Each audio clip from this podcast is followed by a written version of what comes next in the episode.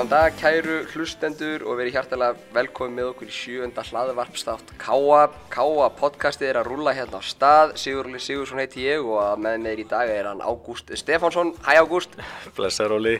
hvað syngur í mönnum í dag? Mjög gott bara, veðrið er frábært fyrir norðan og ég held að þetta verði bara flott dagur hjá okkur. Heldur betur og við erum fannir að sjá fram á sól og sumar eftir þungar undanfannar eða bara hreinlega frá því við byrjum að taka upp podcasti. Ég hef fann að halda að kvíldi bölvun á podcastinu. Það hefur bara ekki sétt í sólar síðan við byrjum að taka upp. Já, eitthvað til í því en ég- svo er náttúrulega mjög gaman að það núna að hvað veðrið er búið að vera flott að akkurvættur er heldur betur að taka við sér. Já, hann er nefnilega að verða eins og ná að sér að verða græn og, og alltaf verða klárt þar en að víkanir koma á yða græna völlina á sunnudagi næsta Já, því líku dagur sem það verður maður, ha? heldur betur uh, Við ætlum að taka smá snúning á, á, á, á, á fótboltanum kallamegin uh, aðeins eftir en við ætlum að byrja á hvenna liðin okkar, Þór Káa Þær eru uh, top of the league and having a laugh eins og þau segja Já, það má vægast að segja það, frábær byrjun og það, það finnst ekki alltaf að stoppa þær. Þær spiluðu núna í, í, í liðinni viku gegn FH og, og unnu þar glæsilegan fjögur eitt sigur. Sandra Meijor með tvö mörg, Andrea Mist og, og, og Arna Sif held ég eitt. Jú, Arda sér með skalla. Þannig að, að, að það var bara mjög góður heimasigur, Uh, úti sigur. Þetta var, þetta var á hérna sunnudaginn síðasta. Í krikanum. Já, það er samt svolítið gaman að því, sko, að vinna þarna fjör eitt sigur og jú, jú, kannski fyrir álugur kannski jafnari heldur en svona setni en það kerður svolítið yfir liðið í setni áleik en samt, sko, Sandra Marja fyrirlið í viðtæli eftir leik brjáluð að fá sér mark. Veist, því líka metnar í þessu liði, sko. Og, og Donni náttúrulega sagði við okkur og er búinn að imprenta í stelpunnar að þær eru bestar og þær eiga bara að vera bestar, það er ekkert að vera að fá sér mörg einu sinni. Já, Þegar við varum að tala við hann um Bryndísi hérna um daginn að þegar hann fór að segja að hann var brjálæður um að Bryndísi hefði fengið á sitt eina mark það var eiginlega bara skandal já, nákvæmlega, já. En það er líka áhugavert að hún Jóhanna nýji markmaður hún var að spila sem fyrsta leik og ég veit ekki betur en að hann hafa verið mjög ánæði með hana þráttur að hún fengi á sig mark. Já. það er ekkert ekki alltaf að kenna markmannum um og hérna og, og þær eru eins og, eins og ég sagði á það þær eru í efsta sæti deildarinnar með fullt úr stiga eftir fimm leiki og eins og breðablík en við erum með einu marki betur en breðablík í markatölu. Og núna er svona hvað ég að segja, eigum að, að tala um að, að svona fyrirfram þægilegt prógram til að byrja með. Við eigum náttúrulega eftir að spila við stóru liðin. Og nú er að koma pása. Talandu um það, þá náttúrulega eigum við uh, þrjá fulltrúa í A-landsliði kvenna sem er að fara núna til æfinga og, og leikja það er Sandra Maria Esen svona uh, kannski kemur einhverjum óvart. Og síðan erum við með Örnu Sif Áskrinsdóttir sem er að koma hann aftur inn. Og Örnu Rakel Pittsdóttir Já, virkilega jákvæða fréttir. Og, og líka mjög gaman að sjá að Freyr landslýrari er að velja okkar stelpur því það er að standa sig eins og, eins og hetjur. Já. og já, þetta verður flott, flottu leikumóti þegar er þetta heimaleikamondi Sloveníu og gleymið því ekki að ef Ísland vinnur hennar leik þá er Ísland efst í riðlunum þegar eru tvei leikir eftir og, og, þetta er sko liðið í öðru sæti er Þýskaland sko. Já. og þetta er sko, ef við, við myndum skilja Þýskaland eftir leiðinu HM veist, Þetta er rosalegt. þetta, er- þetta er bara eitthvað sem enginn sá fyrir og hann erum við með þrjá einstaklinga í, í liðinu. Akkurat. Og Andrea Mist Pálsóttir hefur nú líka verið viðlöðin hópin að þetta er frábæð viðkenning á starfinu hjá er engin spurning, engin spurning Það er komin pása í deildinni til 19. júni en 19. júni er næsti leikur hjá stelpunum okkar uh, Já, í, deildinni, í, í deildinni, já, en það er er stórleikur í byggarnum á, í byggarnum, já heimaleikur mútið stjörnunni Hann er á laugardaginn 2. júni klukkan 16.30 á Þórsvelli Já, og hérna það verður kannski eins og við töluðum svolítið um í síðast þætti þetta gæti orðið svona fyrsta stóra stóra prófi hjá stelpunum á tíðanbílinu Já, þannig að unnur vísu andalega magnaði út í sigur mútið IPF í Engin sem var heldur fyrsti sigur Þórkáfa í Akkurat En já, sammála því, við höfum svona verið að taka svona liðin sem að við ætlumst til að vinna til þess að við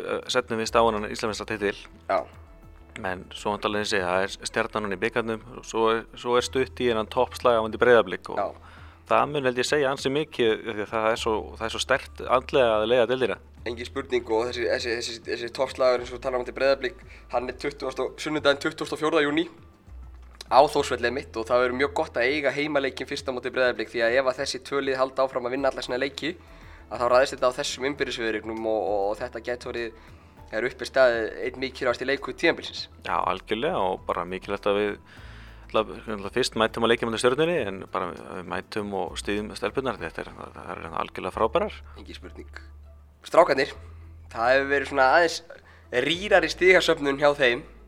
Við spilum frá því að við vorum með síðasta podcast þátt að, að þá spilum við KR í middeltíðinni og í frostaskjóli á sunnudaginn var og sá leikur vannst ekki, hann tapæðist 2-0.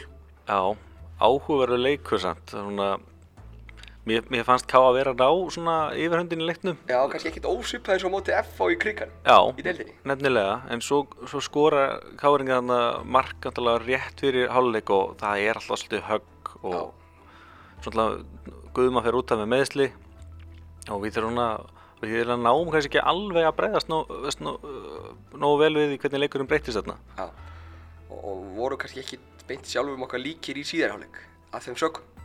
Já, ég er mér sann sko umræðan í hérna, fjölmjölum, ekki verið múið alveg ná, jákvæðum káalið í þessum leik, en mér fannst samt sko liðið klálega að vera að berjast, það bara, það vantar klálega eitthvað svona smá meiri, bara svona, maður bara smelli með þetta saman. Já, En mér finnst það ekki að langt í land, nei, nei.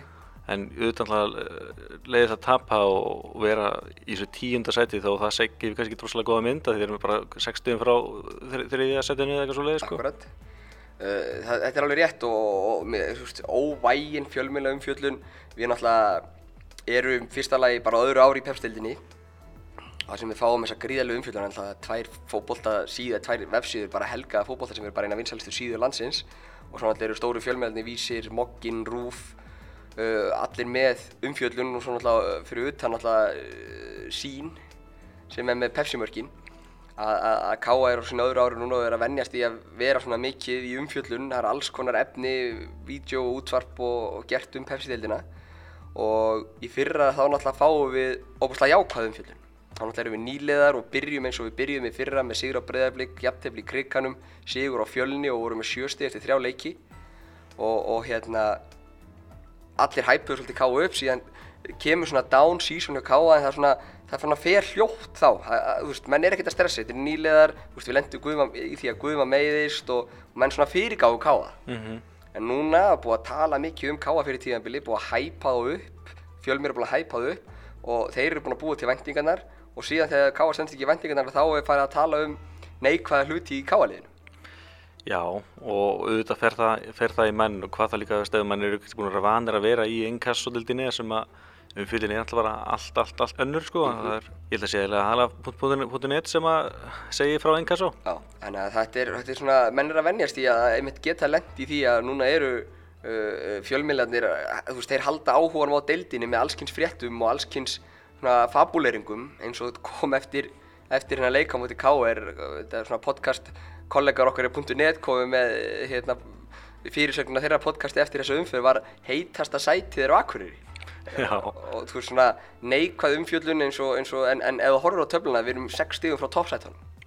Það eru tveir sigurleikir. Algjörlega og já, mér svona finnst þetta að vera detta aðeins meira inn í þessi svona enska pressa að sko leita svolítið að svona neikvæðu hliðin, veist, eins og ég sá allins, það var hérna FH gerði sínum leik og þá- var fyrir FH misti af tækifærun að fara á toppinn. Já. veist, svona, ég er svo mikið svona reyna alltaf að taka jákvæðu hliðina sko, þannig að ég er svona, ég er ekki alveg nú hrifin að þessari nálgun sko. Nei, nei.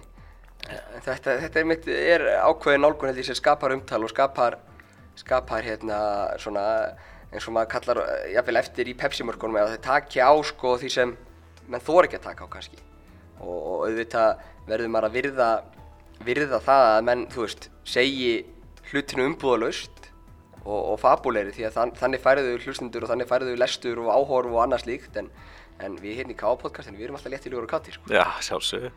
Uh, við sérst förum í, í, í, í síðan núna svolítið töff prógram, við spiluðum á sunnudaginn við KR og, og svo í dag, eða í kvöld erum við að spila við FH í krikanum, uh, annars skiptum við heimsækju krikan í mæmánuði og við erum að spila í, í sextelúrslutum mjölkubikarsins við gríðilega stertlið FH sem að hefur einmitt líka svolítið svona flóið undir ratarnum þeir hafa ekki þeir hafa ekkert verið mikið á milli tannan á fólki heldur hefur meira umfjöllunum verið um val, um stjörnuna, um káa og annað slíkt. FH hefur bara sapnað sínum stigum og, og, og bara verið að smetla ágætla undir stjórn Ólafs Helga Kristjánssonar.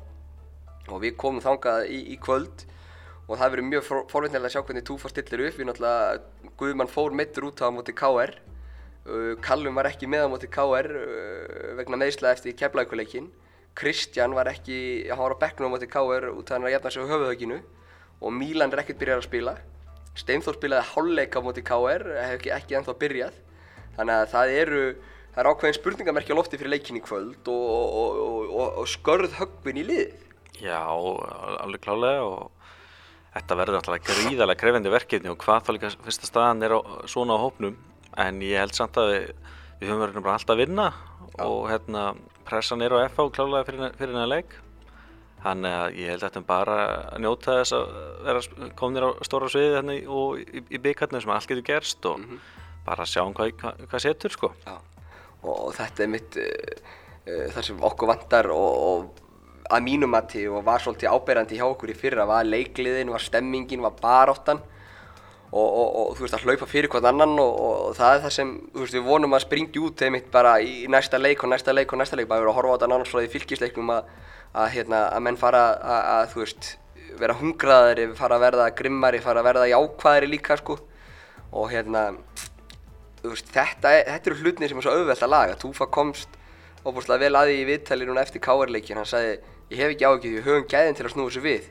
En það er bara spurning hvenar það verður sem að við náum einmitt kannski sem eina leik sem þarf til að snúa við hugafærinu. Já, Algjörlega og hann þarf helst líka að koma, koma fyrir að það setna því að þess að segið, meðan deildin er svona gríðalega jöfn þá er ennþá svo svakalega miklu möguleikar í deildinni mm -hmm. en hún, hún mun skiptast upp á í næstu umförðum og það er bara spurning bara hvar við ætlum að vera Já. í KVM en, en ég ætla að maður segja bara hreint út fyrir mér, mér fannst Almar Ormarsson vera einhver besti leikmaður í KVM fyrra Já, og ég held að mun ætla rosalega upp á þetta að gera að missa, missa hann alltaf var alltaf í svona leittóka hlutverki hjá okkur mm -hmm. og við erum kannski bara ennþá bara að reyna að venjast í bara hérna bæði inn á vellinum og inn í klefarum að ja. hafa mist mannins Almar sko. Já, já, og það náttúrulega má ekki eh, gleyma því að, að, að bæði er náttúrulega að missa Almar og það sem hefur náttúrulega kannski verið höggvið úr okkar liði frá því við fórum, svona, byr, fórum í uppbygginguna hérna sumarið 2015 þegar við svona fyrst gerum allu að fara upp þegar Túfa tekur við að bjarna miður tíðanbili að þá eru svona leikminn eins og Baldvin Ólafsson, Haldur Hermann Jónsson, Allir Þórarinsson, svona eldri reyndari stemmingsleikmenn hornir á braut og jú, vissulega vantar ekkert upp á hæfileikana mönnum sem að fyllt þeirra skörð en, en Davíð Rúnar Bjarnarsson, ekki gleyma honum að það vantar ekki upp á hæfileikana að mönnum sem að fyllt í skarðið heldur, heldur kannski uh, kemestri, náttúrulega þar klefinn þar aðalega síðan nýjum leikmönnum og, og kemestri í liðinu og annað slíkt sko. Já, alveg hár rétt og bara í, í svona liðsýrötum þá alltaf skiptir bara liðsandinn svo gríðarlega miklu máli og En maður, ég er svo maður sem hefur alltaf bara uh, full trú að strákarnir muni finna leið út úr þessu mm. og menna gleðinu fljóta að koma þegar fyrsti sílugurinn kemur sko þannig að Já, svona fyrsti sílugurinn sem erum sátti, við erum alltaf vinnum Íbí Vaffa heimavalli uh, öruglega, þeir var alltaf sköpuð sér færi í leiknum en það var samt einhvern veginn, þú veist, þetta var ekki fallegu fókbólti, þetta var svona, þú veist, þungt og og dögt yfir þessu einhvern veginn, við kláruðum bara okkar leik og þú veist, það var ekkert fallur á að horfa en leið og kemur svona fyrst í stemming sigurinn einmitt þá held ég að þetta verið fljótt að snúast við. Já, sammálaði ég, við ættum svona skrítin stemning eftir IBF-leikinu, maður hafa bara sattu við unnum þetta 2-0 góða sigur mm -hmm. en það var svona svolítið eins og við varum að taka sér svolítið svona sjálfsögur hlut Já. en sjálfsög, það er engin sjálfsögur hlutur í fókbólta. Þannig að við bara njóta allra leikja sem við, sem við vinnum sko. Já. Síðan eftir hennar FH-leik í kvöld að þá er nú stutt í næstu orustu en það eru vikingar sem mæta hérna á Akureyravöll á sunnudaginn kemur. Vikingur sem ekki var nú spáð sérstöku gengi af fjölmiðlum, sérfræðingum fyrir mót. Þeir eru að fara, þeir eru búin að, ef að þetta miða við spána þá er þetta að segja það að koma óvart. En það kannski kemur ekkert uh, öllum óvart. Þeir eru að fara vel ágætla á stað og, og, og hérna eru með hörku hóp, eru með hörku mannskap. Uh, og eru náttúrulega til alls líklegir ef að þeir smell í gang. Já, já, menn eins og segja, deildin er líka bara þetta jöfna, það eru allir að taka stig og, menna, og vikingarnir eru bara að gera nákvæmlega sem þeir ætlaði sér, bara þeir, þeir mæti þetta leiki með barðu og, og hafa já, verið að fá flott stig og menna, með mann eins og Lóga Ólafsson í, í brúnni sko, menna, maður sem þekkir í knarspilni eins og handaveggi á sér sko, menna, þið voru alltaf að fara að standa sig með príði sko. Já, já, og, og, og við hérna akkureringar uh, og eira bara Íslendingar yfir höfuð eigum það til að þegar á móti blæs að þá viljum við freka sitja heima sko sem að mér finnst sérstak nálgun oft á tíðum því að það er kannski þegar á móti blæs að liði þarf sérstaklega á stuðningi að halda. Og, og við sjáum þetta bara í áhörundatölum og akkureravelli og annað slíkt þannig að, að, að, að við vitum að það verður verðut verkefni að fá fólk á völlin á sunnudaginn Já, en ef þú ætlar ekki að mæta á sunnundaginn þá hvenar, það er engin smá dagskrá sem við káðar að bjóða upp á hérna, fyrir hennar leik. Akkurat og, og það er einn það sem, það sem við ætlum að koma inn á. Það er káadagurinn er á sunnudaginn. Já. fjölskyldu dagur káa Þetta, þetta er bara, bara algjör veistla og maður er alveg bara, ég, ég, þegar ég, ég var krakkið það ég vilja, sko, ég hefði gefið allt fyrir svona dag, sko. Já, ég vil að þú leiðir okkur svolítið í sælingagústi hvað verður að gerast á lögadaginn Nei, sunnudaginn, sunnudaginn. Á sunnundaginn, byrjum á tvö, það verður, það var eins og sé alla deildi káa að bjóða upp á að geta prófað, prófað sér áfram í, í þeirra íþróttum. Já, við byrjum klokkan tvö hérna í káaheimilinu Já, við byr- við byrjum alltaf á káa svæðinu, káa og í, inn í sal þá verðum við með handbolta, við verðum með blag, við verðum með badminton og verðum með judo og svo fyrir utan verðum við með fótboltan og það er spáð góðu veðri, þannig að þetta verður bara frábært. Svo grillum við pilsur, verðum með líðin tónlist og Fjóriði kvenna verður að spila hérna við þrótt út á gerfugrassi og vera knaspinu þrautir á grassinu og...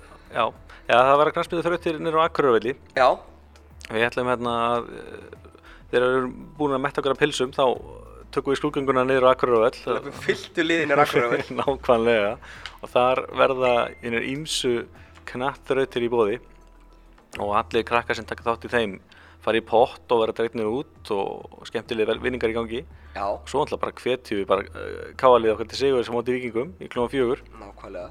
Og það verður hægt að næla sér í einhvers konar uh, veitingar í sjoppunum og, og svona hérna niður á velli og, og hérna og eins og sagði það verða knattrautir það verða, settum við hjá okkur verður þannig að þetta verður uh, norðan megin við völlin þetta verður uh, við, við greifan og, og, og svo kallaða njálsbúð, vélaskemmun okkar. Já, það er heldur fínt grænsvæði sem eh, henda alltaf mjög vel fyrir knattrautir við vorum hérna með völlinu við Já. völlin fyrst í, í sumar. Og það var kannski einhverjir svona smá óanæði með að völlinu var í smá halla það var að hallaði bókstæðlega menn. hann var var í stíl við akkuröfur bara. Já, þetta var minni húka á Akureyri Minni útgáfan akkuröfur En já, þetta verður, þetta verður mikið húlum hæg og mikið gleði dagur á, á, á sunnudaginn og svo bara vonum við að piltarnir fylgi því eftir með, með góðum sigri á vikingum. Já, ég hef fullt að trúa þeim Það sem hefur náttúrulega breyst líka hjá Káa og, og, og, og hér að breytast með jákvæðan hátt í pepstildin er með þessu umgjör í kringu leiki. Það er, er svona pínu, liðin er að fylgja eftir og horfa til Englands og horfa til annara landa að sé eitthvað meir í kringum leikir heldur en, en, en hérna fótboltinn og til þess að liðin haldi því áfram til þess að veist, það er allir að kalla eftir þessu. Áhórendu, foreldrar, krakkar og aðrir. Til þess að, liðin nennar standi í sáfram þá er mjög mikilvægt að fólk mæti og taki þátt. Já, al algjörlega menna, í hver- hversu margir mættu upp á Akureyravöll fyrir síðasta leik og lögðu því líka vinnu af sér til þess að ná upp þessari flottu stemningu sem, að, sem var svona í kringum þetta. Við vorum með partitjald og, og hafa hægt að köpa mat á staðnum og svona ímislegt í gangi. En það er alltaf svona smá högg þegar að mæta þá ekki meira heldur en hvað 640 vinnum, nei 616 og það er svona við viljum sjá fleira völlum sérstaklega við erum að leggja svona vinnu í þetta. Nákvæmlega því að fótboltarsumarið er stutt. Þó að við eigum hérna inn í landsleiki í sjónvarpinu eða í Rúslandi í júni að, að þá er fótboltarsumarið stutt og, og það er náttúrulega bara eitt þriðji að verða búinn að mótinu bara eftir næstu helgi og, og þá er bara eins og ég segi ekkert rosalega margir þanniglega heimaleikir eftir fyrir, fyrir fótbolta þyrsta og þannig nú er bara ef þú ert ekki búinn að koma á völlina bara drífa sér á stað Já, nákvæmlega og það er líka bara, bara gaman að styðja sitt lið Menna, það, það er miklu skemmtar að gera það á vellirum heldur en heima hvort svo að fylgjast með einhverju textalýsingu eða, eða sjá það í sjónarbyrnu sko. Akkurat. Það stýttist í fyrsta og eina gestin okkar í dag. Við ætlum að, að hérna, fá til okkar frábæran gest, eins og svo ofta áður. Það er sestur hjá okkur alveg frábær gestur, uh, Sigurður Skúli Eyjólfsson, flesti þekkja nú undir uh, síðarnafninu Skúli Eyjóls, uh, fyrrum leikmaður Káa og, og, og, og hérna, uh, mikil kempa í allan að mínum augum og, og við ætlum að setja staðars með honum og fara yfir uh, ferilinn, fara yfir uh, núverandi stöðu, bera saman uh, hlutina. Skúli, verður velkominn. Takk fyrir. Uh, í dag ert þú alveg uh, skemmtilega 35 ára gammal, ekki satt? Það passar. Uh, fjölskyldu faðir í nöstakverfinu og, og mikill káamaður. Uh, segðu okkur aðeins frá svona, svona uppeldun í yngreflokkastarfinu, svona hvernig þetta, þetta var allt saman hérna. uh, Þetta er er ekkit ára og öld síðan en, en samt, í svona tíund áratug síðustaldar þegar þetta alast upp í ká. Ég vant að bjóða þorpinu og starf upp og hérna ákvað þegar ég var sex ára gamall að, að fara að æfa á káa og ástæðan var svo að pappi og, og hérna bróði pappa spilum með káa þannig að það kom ekkert annað til greina heldur en að heldur en að skvölla sér henni upp yfir og svo, svo, svo hjóla henni upp yfir uh, við ég var í síðuskóla sem er lengst út dorpi og, og það voru og ég byrjaði í Káa og, og dróð svo nánast alla með mér sem voru í síðuskóla í Káa þannig að það hérna, var, eiginlega bara gleraskóli sem átti þós að hana Akkur Þannig að 83 árgangurinn hefur verið sterkur í síðuskóla káamenn mikli. Já, það var allir Káa með nema, nema einn gestur Arason. Enda hann í stjórn knarfnilega þórs í dag. Já, Uh, aðstöðunar þegar, þegar þú ert að alast upp hérna, það var engin bogi, það var ekkert gerfigras, það menn, mellinni voru bara eins og þeir voru, það var, það var eftir á möl, það var eftir á malbyggi, hvernig innan úr svóbolti, hvernig var þetta í minningunni? það var, það var alltaf innan sóbolti hérna inn í Káa-emilinu uh, svo var svo var hérna malavöllin í hodni sem var notað náttúrulega á, á, á vorin aðalega Já. og stundu var hann allt og þurr og ógíslegur og harður og, og, og þess að þar en, en hérna en svo bara eftir á þessum græsvöllum minna sem eru raun og veru sem vellir Akkurat, og er í hinn dag. San Siro og aðalvöldurinn og svona. Já, en alltaf komið gerðugræs hérna á, á völlin beintinu og á Wembley. á Wembley sem að æfum oft á. Það var nú djúvill lélur sá völlur á þessum tíma. Já, gott að fá gerfigras á hann. Já, en svo, svo til dæmis fyrsta ári hérna þegar ég var í meistarflokk þegar var hann að 16-17 ára já og kannski fyrstu tvö árin þá, var náttúrulega engi bogi og yfir veturinn þá, voru, það náttúrulega bara þessi típisku útilöp og svo var eft í skemmunni Já. skemmunni akkurri Ah, sem að einhverjum muni eftir og, og jafnvel á Sanaveldinu líka. Nei, við það, við fórum aldrei á Sannavöllin það var möl hérna upp frá En hann var til staðar samt sem áður, hann að Já, minni og nú er þetta bara geimslistæður undir gáma. Já, já. við Hagkaup. En, en eh, segðu okkur skúli, hverju voru svona þjálfaði, svona eftirminnlegi þjálfarar úr yngri flokkum? Svona sem að gerði þig að þeim kannski fótbollamanni sem að þú síðan varst? Það var, andla, var allt önnu þjálfun á þessu tíma heldur en í dag. Sjálfsögur þetta miklu meira professional í dag En samt voru mjög góð þjálfar sem voru hérna. Og það var Það var til dæmis Einvarður Jóhansson Já, hann har gert garðin frægan bæði handbótt og fótbollaþjálfun Já, já, Elningu Kristjáns. Já, Hann fór með okkur til Vestmanna í, í hérna á hvaða sjálfmóti já, og, og hérna já, hverju voru fleiri, ég maður það ekki. Helni þegar, þegar þú dalst upp og, og, og, og hérna þessi Íslandsmót Haukur Bragason Haukur. Bragason. Hann var eiginlega fyrsti þjálfarinn. Já, Það er hérna Ég man að það kom mynd, mynd af Hauki Bragasinni í blæðinu þar sem hann var nýbúinn að grípa boltan og horfði til hliðar og var skell brosandi já, og ég fekk þessa mynd lit stækkan og gaf hann um í ramma. Jónum þetta, ég var svo ánægð með Hauk auðvitað Það er hérna Haukur náttúrulega markmaður Íslandsfestarleysins og, og hérna örgulega verið hörguð þjálfari. Já, en svo, svo þegar eh, svona í þriða öðrum flokk þá, þá hérna mann er ekki alveg hver að þjálfa en, en, en svona þjálfun á, á, á þessu tíma var svolítið þannig að það var kannski skipt í tvö lið og, og svo voru sett upp tvö mörk á völlin en, en enga línur. Já, en það kannski mun ekki gerast í dag hérna, e, enga, línur. Enga línur og hann mátti fara aftur fyrir markið og, og, og svoleiðis. Það er náttúrulega eh, hluti af þessu hvernig þið hefur þróast hjá okkur að, að, að hérna, öll bætt aðstæða en, en segðu mig þegar þú ert að- þú ert alls upp Káa svona var ekki eins fjölmennt og ekki kannski eins og hefur verið í dag? Í dag erum við með lið í A-deild í öðrum flokki, þriðarflokki, fjórðarflokki við höfum verið að berjast um Íslandsmeistra undan fyrir nári í þriðar og fjórðarflokki var þetta svipað þarna? Nei, Nei, þú var ekkert ekki. unnið einhverja stóra sigra á yngri flokkunum? Nei, nei, maður mann eftir að hafa farið söður og kæft á mútið FH og Káir og tapa 11-0, 9-0 og þess að það. Var gríðarlega munur og, og við er, rétt náðum bara eitt lið hérna sko. Já, það var ekkert eins og í dag kannski í öðrum flokki, heldur sé 54 strákar æfa. Nei, þetta, þetta, þetta, við rétt náðum bara í eitt lið ef allir handbóltastrákurinn þetta ef á sumrin. Þetta var eiginlega hannig. Þannig að þetta er, umhverfið hefur breyst töluvert. Alveg gríðarlega. Hérna. Þetta er, náttúrulega útrúlega flott hérna. Nú eru, á þessu ári, eru 18 ár síðan allavega sakvæmt heimasíðu KSI, þú ert að brjótast inn í, í meistarflokkin hjá okkur. Og þetta eru svolítið skemmtilegi tímar hjá KA hann í kringum aldamótin því að árið 2000 eru við e, jafnir val á stigum í öðru til þriðasætti fyrst deildinu og förum ekki upp á markatölu og árið eftir förum við upp og í úsliti byggar. Þetta það lítur að vera gaman að koma svona inn í gott KA-lið. Já, sko, þegar ég, ég kom upp í meistarlógin þá var Káa nýbúið að, að bjarga sér frá falli og það voru margir að hætta þá og hann, þetta var svona, Þorvaldur Öllis var að koma heim og hann var eiginlega bara að safna í lið Já. og, og það voru til dæmis æfingaföt og þess að sem er bara normið í dag Já.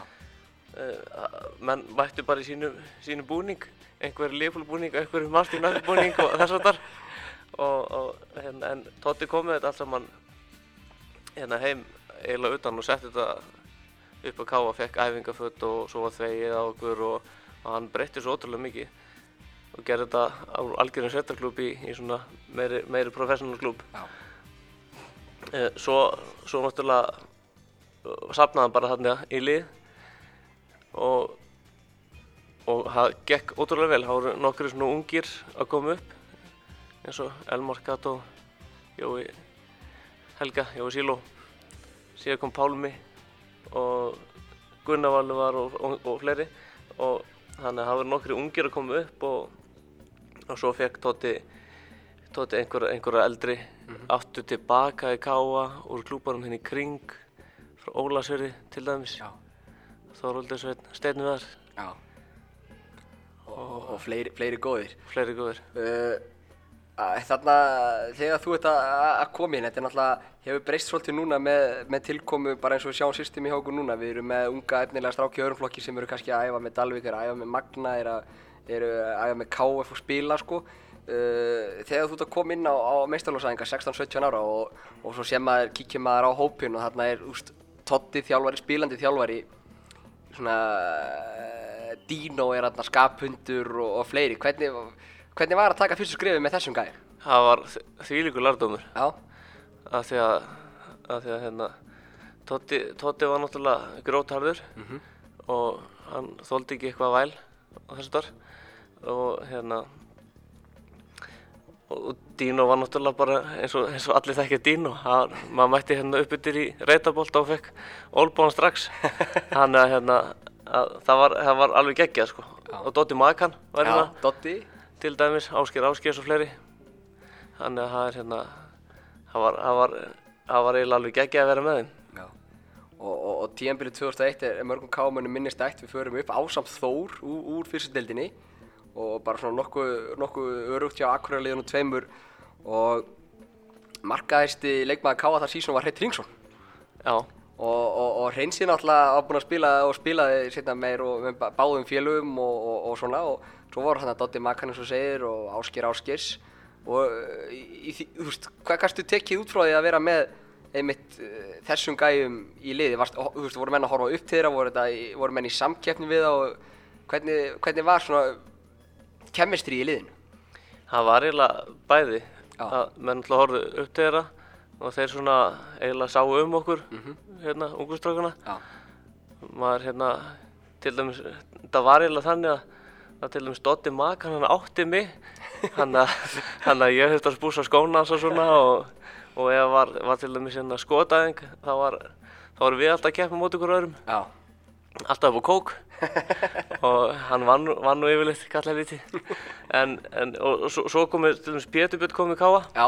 frá, já, hann var í fylki náttúrulega Já. en komið utan. Hann hann er markaðastur hjá okkur árið 2000, árið sem okkur mistókst að fara upp. já, og þá til dæmis þá var innanhúsmótina á þeim tíma uh, milli jól og nýjás og hann kemur inn í klefa og, og hann var hérna Dotti búinn að vantarlega að láta hann vita að hún er Gato hann, hann hendur skónu beint í Gato og, og segir hann um að, sjá hann skónu sína og hann bara átti Gato þá. Já, og Katar náttúrulega gæti ekki sagt nei. ja, hann gæti ekki sagt nei, þetta var bara svona þetta var bara gaman. Þeir, hérna, þeir sáu um okkur og, og, og, og við hérna svona.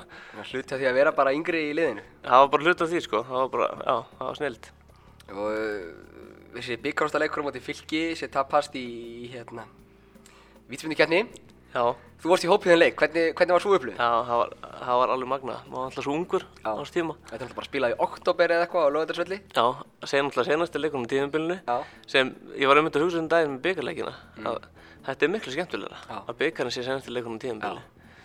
Og hérna, já, það var útrúlega mikil upplöfun að, að hérna, vera hana bara að fá að vera á bekknum. Já, Og, og fyrstu dildalið að komast þetta langt, já, uh, við hljóttum að vakja á ágætis umtal. Þú veist, hvernig, hvernig tóku þetta með fylgismennir uh, á, á mót okkur? Uh, þú veist, eitthvað vannmat eða svona liðin sem voru búin að fara í gegnum, búin að vinna FH í undanúrslutum og, og, og búin að vinna Keflavík að við minnir. Svona lið sem á, voru all herra skrifuð við káa. já, ég, að, ég, ég veit það ekki. Þetta var einhvern veginn, hópurinn hjá Káa var einhvern veginn þannig að og maður hugsaði kannski líka maður var kannski ungur og vill á þessum tíma maður hugsaði að- að við getum farið hvert sem eru unni alla og, og leit maður ekki bara st- stolt á sig á klubin að, að ég tók ekki eftir því að var neitt vannmat eða neitt svoleið sko. Það var þetta var bara að fara á línu í þetta allt. Já. Uh, við, eins og, eins og búið að koma fram marg oft, við förum hann upp og tökum þátt í landsímadeildinni 2002 og náum það bara hörku árangri fjórða sæti.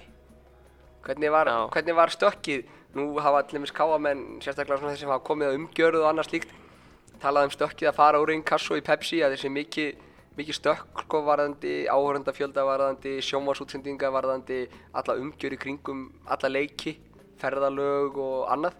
Var þetta mikið stökk? Nei, ég held að það verið miklu minna stökk heldur en í dag Já. allavega svona um, umfyllin það var alveg ágætis umfyllin um fyrstildina Já. á þessu tíma þannig að hérna og það va- var ekkert svona Pepsi, deildar, mörk og Já, og fótbolti.net var ekki kannski ekki að mæta með Nei. þrjá fréttamenn og taka viðtöl og... akkurat, það, það var, þetta var allt saman öðru sig Já. maður talaði eins og maður selv gamallina en, en svona var það Þetta er alltaf hefur þróast mikið á, á undanfjöndum árum. Núna Já. eru þrjí fjóru leikir í hverri, hverri umferð í beinni útsendingu. Það eru mar 90 minna markaþáttur eftir hverju umferð og, og uh, tvær síður á Íslandi er bara helgað fótbolta sko. Þetta er alltaf crazy umfjöld. þetta er, já, þetta er hérna breyst alveg gríðarlega og ég, ég held að ég held að, að breytingin sé, sé miklu, miklu meira að fara upp í dag heldur en var þá ég, einhvern, veginn, einhvern veginn finnst mér eins og sé líka bara erfiðara Já, að fara upp akkurat.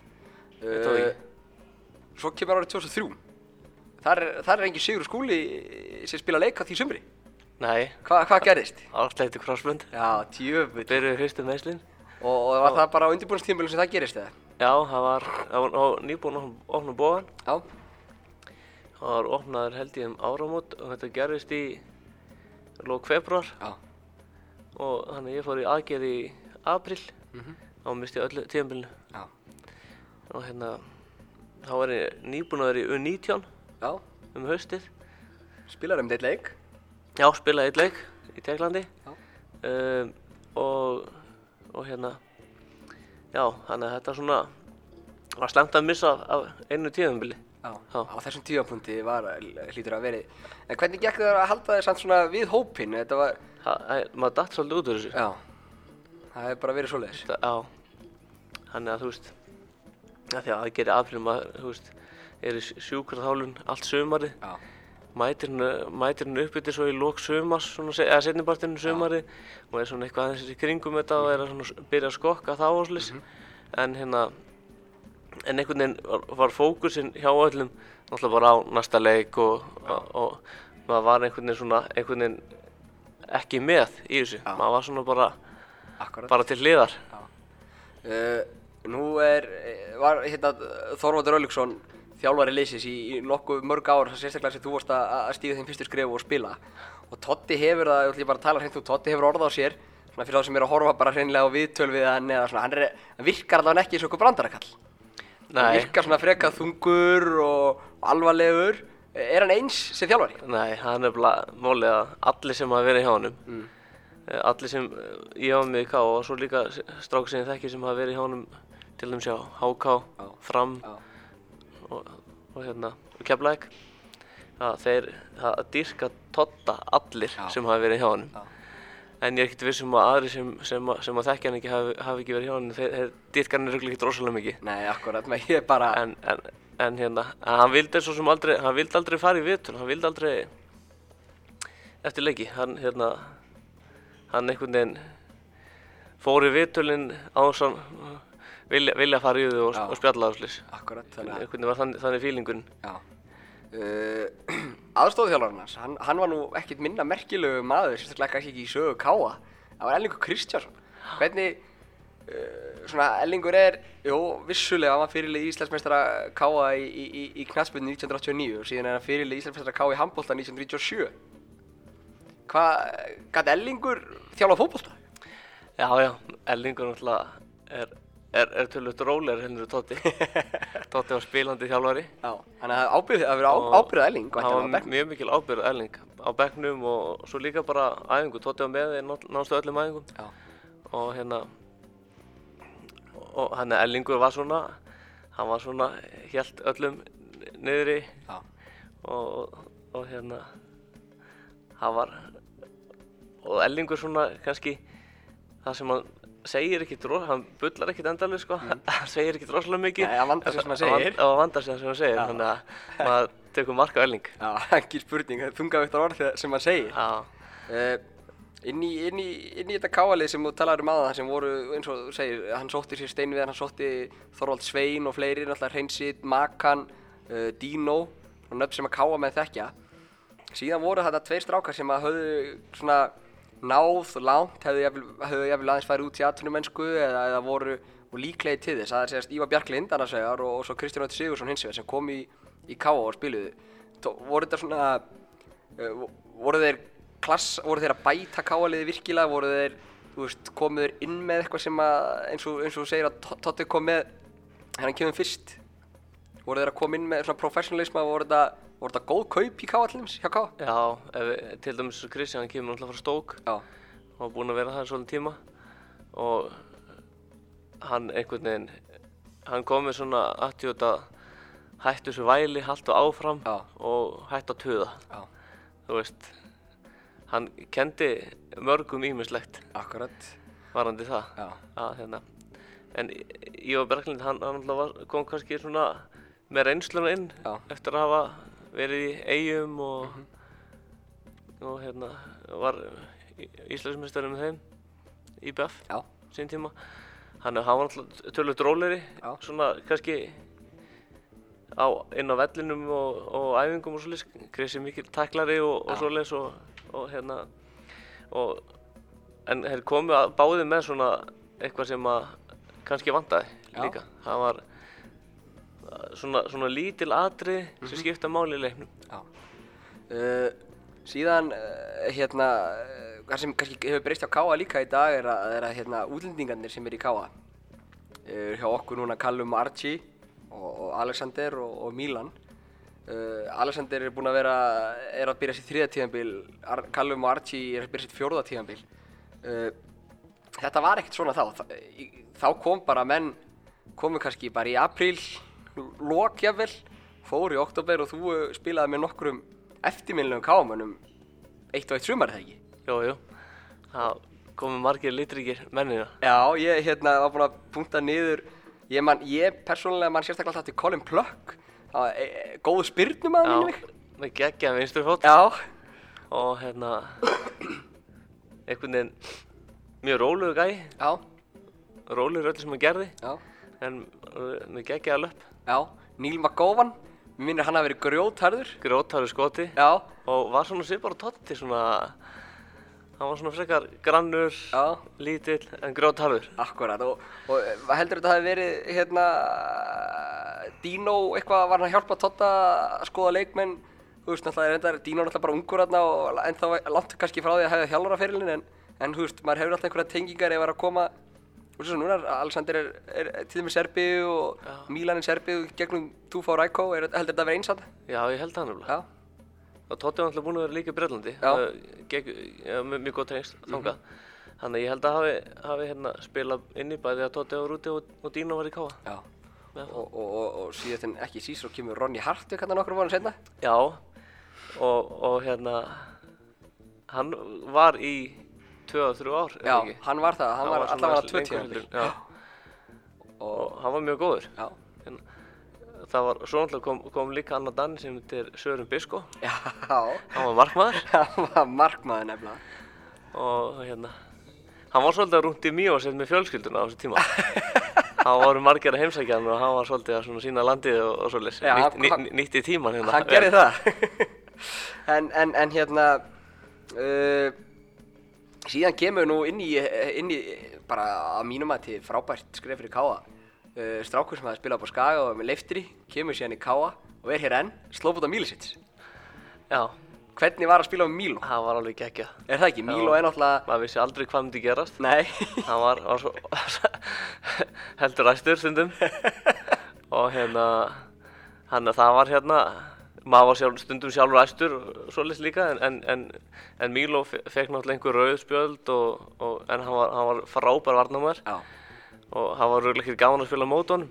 Það var hérna, fyrst, lí, kannski lítinn frið og, og hann fór þá bara í því hann fór í því. Í, og við, hérna, við Míló höfum alltaf verið góði vinnir en við, hérna, einni æfingunni þá var ég nýbúinn að vera eitthvað tóknar í öklan var eitthvað alveg slæmur hérna og, og hérna var undan Míló í boltan og hann stegi akkurat í öklan á mér.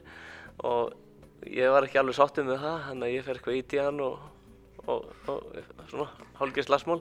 Tóti, Tóti hérna, tekur okkur sundur og svo heldur þetta áfram og svo stuttur setna þá þá var boltinn eitthvað annars staðar þannig að ég þrykki í Míló og, og hann hérna, þrykkir í mig tilbaka og akkurat þá, þá lítur Totti á Míló og, og tekur hann til hliðar og húskamar og ég þóttist þenn að vera saklaus en, en svo endaði þetta þannig að við vorum báðir sendir í pottin og, og við, við tölum ekki saman kannski fyrstu tværminutum en svo bara vorum við fannin að spjalla allt búið. Já, það, og hefur á verið djús harka á æfingum, þetta er náttúrulega sama safna harð hausum, sko. Já, það var náttúrulega, eh, sko ef við tel, teljum upp svona nokkra sem voru hérna harðir hérna, allan til dæmis eldri leikmenn, það var að, var eins og Dín og Steinviðar, Já. Míló, Steini Eðs, Steini Eðis, náttúrulega óglimtur Steini Eðis. já, og, og hérna, og svo náttúrulega kom Krissi líka í þetta.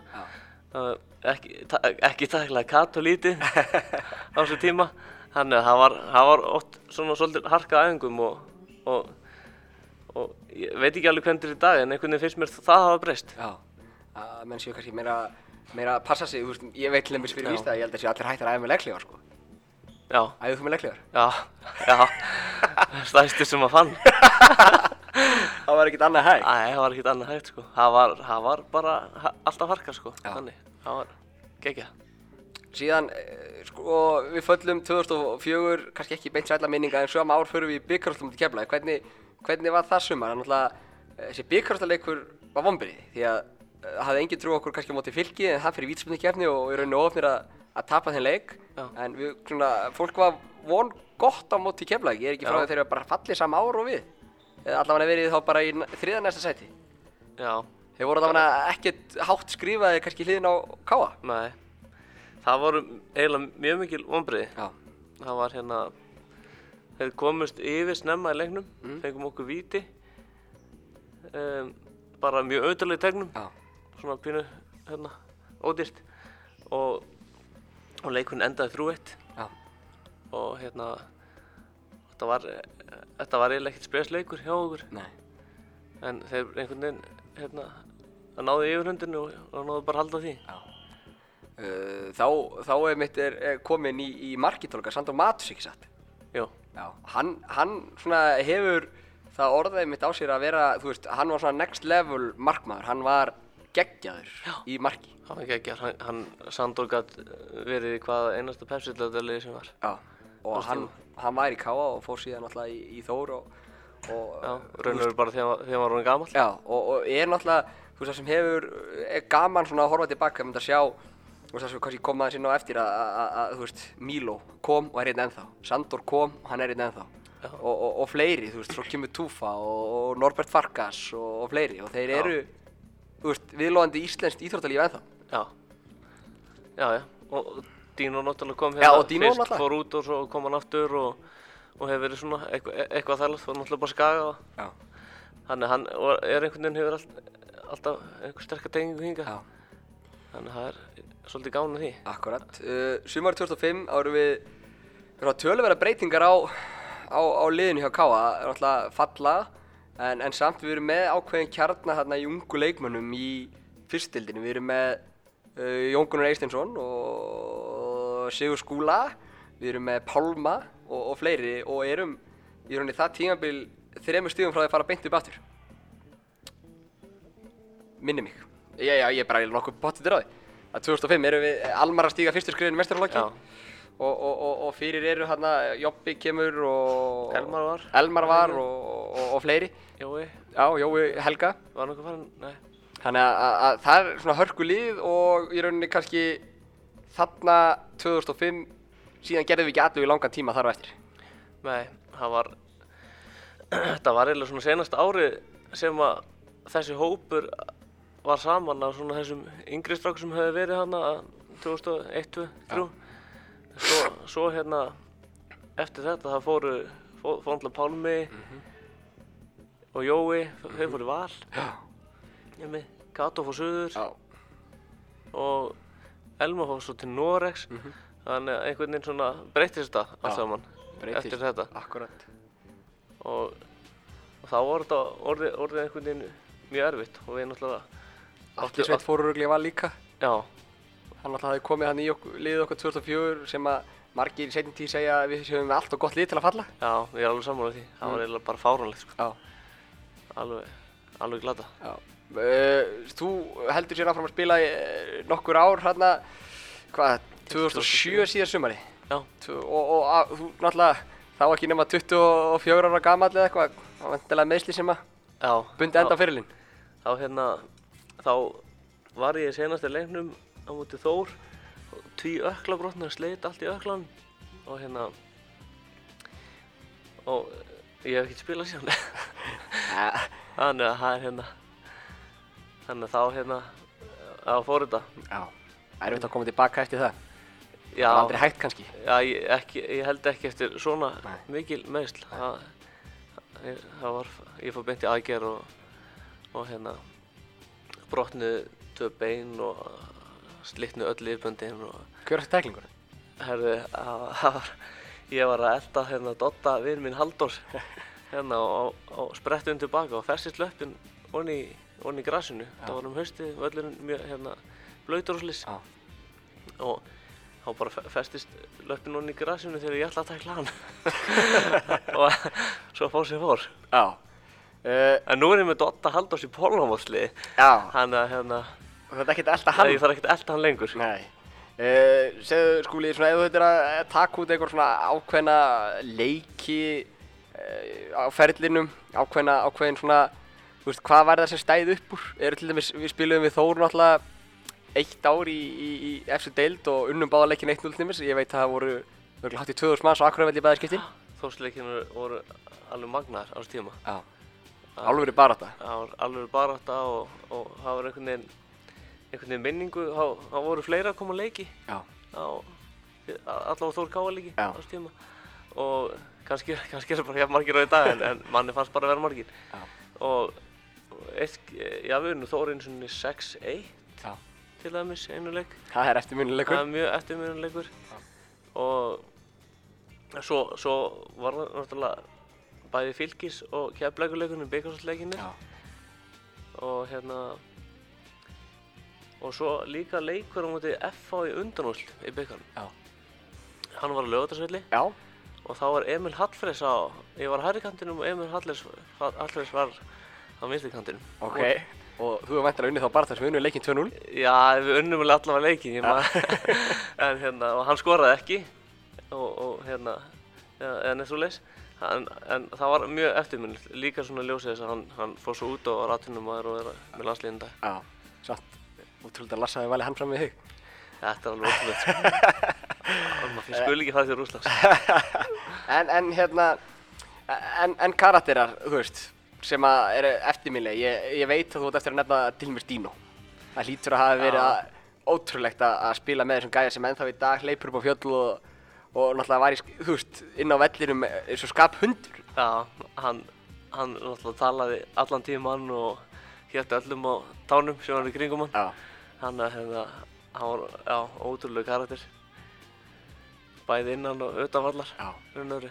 Ég man, ég man bara sjálfur svona leikir 2008, 9, 10, eða 2009, 10 þegar hann er á hægri kantinum og, og svo er strákur í hægri bakgrunum sem heitir Haukur Heiðar maður er alltaf döð vorkendi Hauki að spila fyrir aftan Dino því að Dino var endalaust að láta hann heyra það Já, en við sjáum hvað Haukur er í dag atvinnum maður í AIK og, og, og, var náttúrulega með á EM 2016 þannig að Já, hann er, hann var ótrúlega flottu karakter. Og svo bara eins og þessi sem við erum búin að nefna, veist, sem, sem voru hérna, Já. hans tíma. Það voru allir, allir svona mismunandi en, flotti karakter. Já. Sumir sögðu ekki neitt og, og voru grótharðir einhvern veginn. Sumir voru endalust rífandi kjátt og, og, og sumir, sumir voru bara eins og, eins og Dóttir Magali. Það er lágbæsti fyrirlið sem ég hef nokk tíma haft. Já, fór fyrir liðinu sínu Hann fór bæði fyrir- innan sem við töðallar Já, og bara svona í kringum æfingar og alltaf, alltaf að setja upp einhverja leiki og alltaf gaman í kringum hann. Já, bara halda Já. mórallin svona í minningunni svona sem gutti alast upp og horfa á æfingar hérna út á velli og svona þá var mórallin geggjaður í þessu lið Já, það var geggjað moral, af því að þetta var einhvern veginn það góð blanda af bæði ungum heimamönnum, heimamönnum og svo, svo þeim sem að Totti náði í. Akkurat. Uh, kannski ef við vindum okkur aðeins í nútíman. Já, Uh, Fótboltasumari hjá Káa farið á stað svona annað árið í úrváðstild og hvernig finnst þér svona þetta hafa farið á stað? þetta er ekki alveg nógu gott. Æ. Það, hérna, mér finnst vanta svona, svona Já. svo ég hef, hef verið sáttur með þetta. En, en hérna, allavega, þú veist, ef maður miða við árið fyrra sem var mjög gott, þó, þó svo að við endum í hvað, nýjum, sjöunda? sjöunda hindi. Hefðu vunnið síðast að það hefði verið bara hann í fymta eða eitthvað? Já, eða fjórða, fjórða eða fymta. Þannig að, og hérna, og svo náttúrulega var veturinn mjög góður, Já. en við, við erum búin að missa Almar Já. og við erum búin að missa hann Emil. Emil Ing Og Darko í rauninni því að Mílan er náttúrulega ekkert ennþá byrjar að spila. Já, og það, hérna, hann náttúrulega hefur kannski einhver áhrif en ungu strákanir eru ári eldri Já. og mér finnst bara frábært að, að sjá Danna hana inn í liðinu og fleiri unga strákar sem eru, eru að fá sjansinn Mhm. að þú veist þó við séum að gera jafntefli að tapa leikjum núna og maður sér ungu strákarna vera að spila að koma inn á þá er það einhvern veginn mér finnst það einhvern veginn skarra að missa stig við, við að þeir fá reynslu Já. Já, þú veist, við sjáum að eins og núna í sumar eru náttúrulega uh, Frosti er búinn að fá mínútur, Hjörvar er búinn að fá mínútur, Bjarni Mark, Danni, Aron Eli, uh, Áskir Sigurgesson náttúrulega ungur, kornungur ennþá. já, Þannig að við erum að gefa fullt af ungu leikmunum tækifæri þó að stíðasöfnunum sé kannski ekki uh, alveg beint til að hrópa húra fyrir. nei, e- þetta er náttúrulega reyndar þéttu baki en þá Já, hann að, en, en svona keflaðið leikurinn hérna heima var var hérna leikur sem við hefum þurft að fá stig út úr já, það fengum eitt stig já, það fá þrjú stygg. þrjú stig og, og hérna og það er svona eiginlega kannski þau stig sem maður sér mest að eftir Já. Ég held einmitt að, Túfa hefur komist ágætlega að orðum í viðtalinn eftir KR-leiki núna að, við erum kannski ekkert, hö- við vitum að við höfum gæðin til að snúa þessu við. já já, það er, ég held að sé enginn að panika hérna. það er bara að, að hérna að, að fara að hlaupa fyrir hvern annan eins og að gert í fyrra Já. ég, það hefur pínu vantað í þessa leiki núna Vanda pínu baróttu. svona- pínu já, vilja. og, og hérna og vera bara ógeðslega leiðilegu liðin sem að spila á móti, gefa þeim engan séns á boltanum og, og er það svona pínu dörti. Já, já, við náttúrulega mistum einn lúmskasta leikmann bara deildarinnar, Almar Ormarsson, í, í þessu held ég, sko. Já, Sá nú bara hvernig hann náði Ella upp í, í fyrsta leiknum, sko, í, einhver hrindingar og eitthvað, sko. akkurat. Sín gamla félag. Já, já, það, það er nefnilega máli og það, það er vantar pínu í liði Já. og, og svo hérna, þurfum við að fá betra spil í genni miðina Já. af því að þá opnast fyrir þessa snegri leikmenn hjá okkur eins og, eins og Hallgrím og, og Ásker og, og hérna, og svo náttúrulega er líkilættir að fá Steinþór inn í þetta sem fyrst Já. upp á hraðan liðinu Já, hann er náttúrulega búinn að fá, að fekk 20 mínútur á móti Keflavík og, og 45 núna á móti Káir. Já, Þannig að það er bara tíma sem frá hvernig hann dettur í þetta leikform sem að menn þurfa til að geta tekið, það startaði 90. akkurat Þannig að, að, þannig að þú hefur engar, engar, engar stóra áhyggjur af það. Nei, nei, við erum með 5 stig við þurfum 22 stig til að bjarga okkur á falli Já. fyrsta, sem maður hugsar Heldur að fjölmiðlar hafa kannski farið of langt í, í spám sínum, náttúrulega fjórðasæti sumstaðar, niður í sjötta sæti. Fólk talað um að við værum þetta contenderlið með kannski, þú veist, ætti fáir séns í val og síðan þetta stjörnu breyðabliks KR. Við værum hana, liðin, liðin þar í kring. Nei, ég held nefnilega ekki sko en maður, ég hugsa alltaf bara að, að ná sem 22 stigum til að vera, vera og, Byrja á því. og, byrja á því og, og skoða sem næsta markmi Já. En hérna en ég held ekki við, þetta að geta verið Já. en, en það kannski, kannski vantar að, aðeins upp á breytina hjá okkur Já. en hins vegar þá er bara gegja að ungu strákunni fá að spila Já. Uh, þú sagðir einmitt áðan að því finnist eins og það hefur verið fleira mæta á leiki í gamla dag, eða gamla dag. Þetta er kallt Þetta er hræðilegt að segja þetta gamla dag við, kornunga mannin hérna á móti Ma, mér. ma, maður ætti að vera að spila en þá Já, nákvæmlega. En það er eins og tilfinningi eins og þegar við vorum uppi, uppi í landsímadeildinni og svona hafi verið gríðarlega, þú veist, áhugi. Hvað, náttúrulega var fín mæting á leiki fyrir eitthvað meðaltal upp á einhverja 750 til 850 áhörundur á leik. Við erum búin að spila tvo heimaleiki núna og ekki farið yfir 650. Já, er það áhugjefni? Nei, það er sem ekki áhugjefni. Ég held að, að hérna, kannski var þetta bara, voru ekkert rosalega margir hérna á leikjum í Galanda, en minningi var bara einhvern veginn hérna, þannig. Já. En ég, ég held, að, held að það sé, nei, nei, ekkert áhugjefni. Vi, ef við förum ekki undir 600 í leik, Já. þá held ég að við séum í, í góðum málum. Já, við. Og, og upp, upp kannski 8-9 þúsund í hérna, þessu stærri leikjum. Já. Ná upp í, upp í það. Við, í fyrir það fóru, voru fóru heldur tveir, þrý leikir yfir þúsund manns, þannig að, Já, að hérna, en, en, en það er um það sem við rættum aðan, sko, umgjörun hefur náttúrulega, þú veist, fólk er farið að kalla eftir að sé eitthvað meira en bara 90 minntur af fótbolta. já, Og, og það er eitthvað sem, sem Káa er einmitt að reyna að stíga það skref. já, Og kannski pínu hefti með út af Akureyravelli, því að, að, eins og núna, við sitjum inn í risastóra sal núna að taka upp podcast. Hversu flott væri það að nýta þennan sal á leikdegi, sko. það er nefnilega máli. Já. og, og hérna og það, ég held að sé líka öðru að, að hérna, geta að spila heimileikina í, það sem að félagsheimil er það er að nýta félagsheimilinu miklu betur Fólk kemur vellinu úr hverfinu. kemur labbandi á vellinu hverjunu og skapast hérna, öruglega svona stemning eins og er í frostaskjólinu Já, maður er farað nokkur leikir þar akkurat. og það er einhvern veginn það er, það er- það eitthvað, eitthvað hérna, skemmtilegt við að geta labba á völlin Nákvæmlega. í, með fánan og, og með dreifilinn og húuna og Akkurat. allt það Það er einmitt, eh, tek undir þessi orð að, að það vantar einmitt svolítið upp á að Akureyravöllurinn við getum búið til svona grifju. Já. En, það er, það er hérna og náttúrulega bara líka sérstaklega aðstæðan fyrir svona inni aðstæðan fyrir fyrir áhörundur Já. svona fyrir leik og svo í hálfleik akkurat. Svo ætti ég ekki höfuð við þakkið. ekki að- við það Nei. ekki það er, það er, það er bara komið tími á að bæta aðstöðuna hérna upp frá og færa hérna færa okkur höfubyttir Skúli, við erum búin að fara um víðan völl. Þetta er búin að vera gaman. Ég ætla að þakka að kella fyrir komin í Káa hlaðvarpið og, og hérna, við segjum bara áfram Káa allir á völlin. ekki spurning, gangu vel Já, Skúli snillingu, þrátt fyrir að vera bara hvað, 35 ára gamall eða eitthvað, þá er hann uh, náttúrulega eldgamall í, í hempunni hvað fótbollna var. Þetta var alltaf sko mátilega erfitt með þessi með voru að spjalla því félagarnir það hljómaði sko eins og hann væri sko frá 1920 að spila þá sko Það er eins og ég seti hérna með af Óla, sko. en, en, en Skúli náttúrulega laug reyndar aðeins því að hann spilaði alveg eftir hann hætti spila með Ká. Hann reyndar uh, kannski aldrei að neitt alvöru, en, en hérna, hann leik með IH í Hafnarfyrir þegar hann bjóð fyrir sunnan einhverja 10-12 deildarleiki í þriðu deildinni sem var þá neðsa deild á Íslandi og svo má hann nú eiga það drengurinn að ég spilaði með um hátæðisbolt alltaf hérna í Bumbubolta og hann er búinn að spila 2-3 byggarleiki með stórliði Nökkva Já, þannig að hann er ekki dauður öllum æðum nei, svo sannlega ekki og maður nú sé standartin á boltanum hjá okkur hérna úti sko, þetta er, þetta er ekkert grín sko. Þetta er ekkert grín. þetta er, er alveg upp. En, en við, áður en við kveðjum að það náttúrulega eru tveir hlutir sem okkur langa að koma inn á og það er annars vegar sko uh, júdóð okkar, júdó stelpunar okkar. Áttu góðu gengi að fagna á Norðurlandamóti? Já, algjörlega til fyrirmyndar. Koma tilbaka með fjögur brónsvelun. það er ekkit smáraði, þung bronsvel Já, ég er ekkert fastlega með því.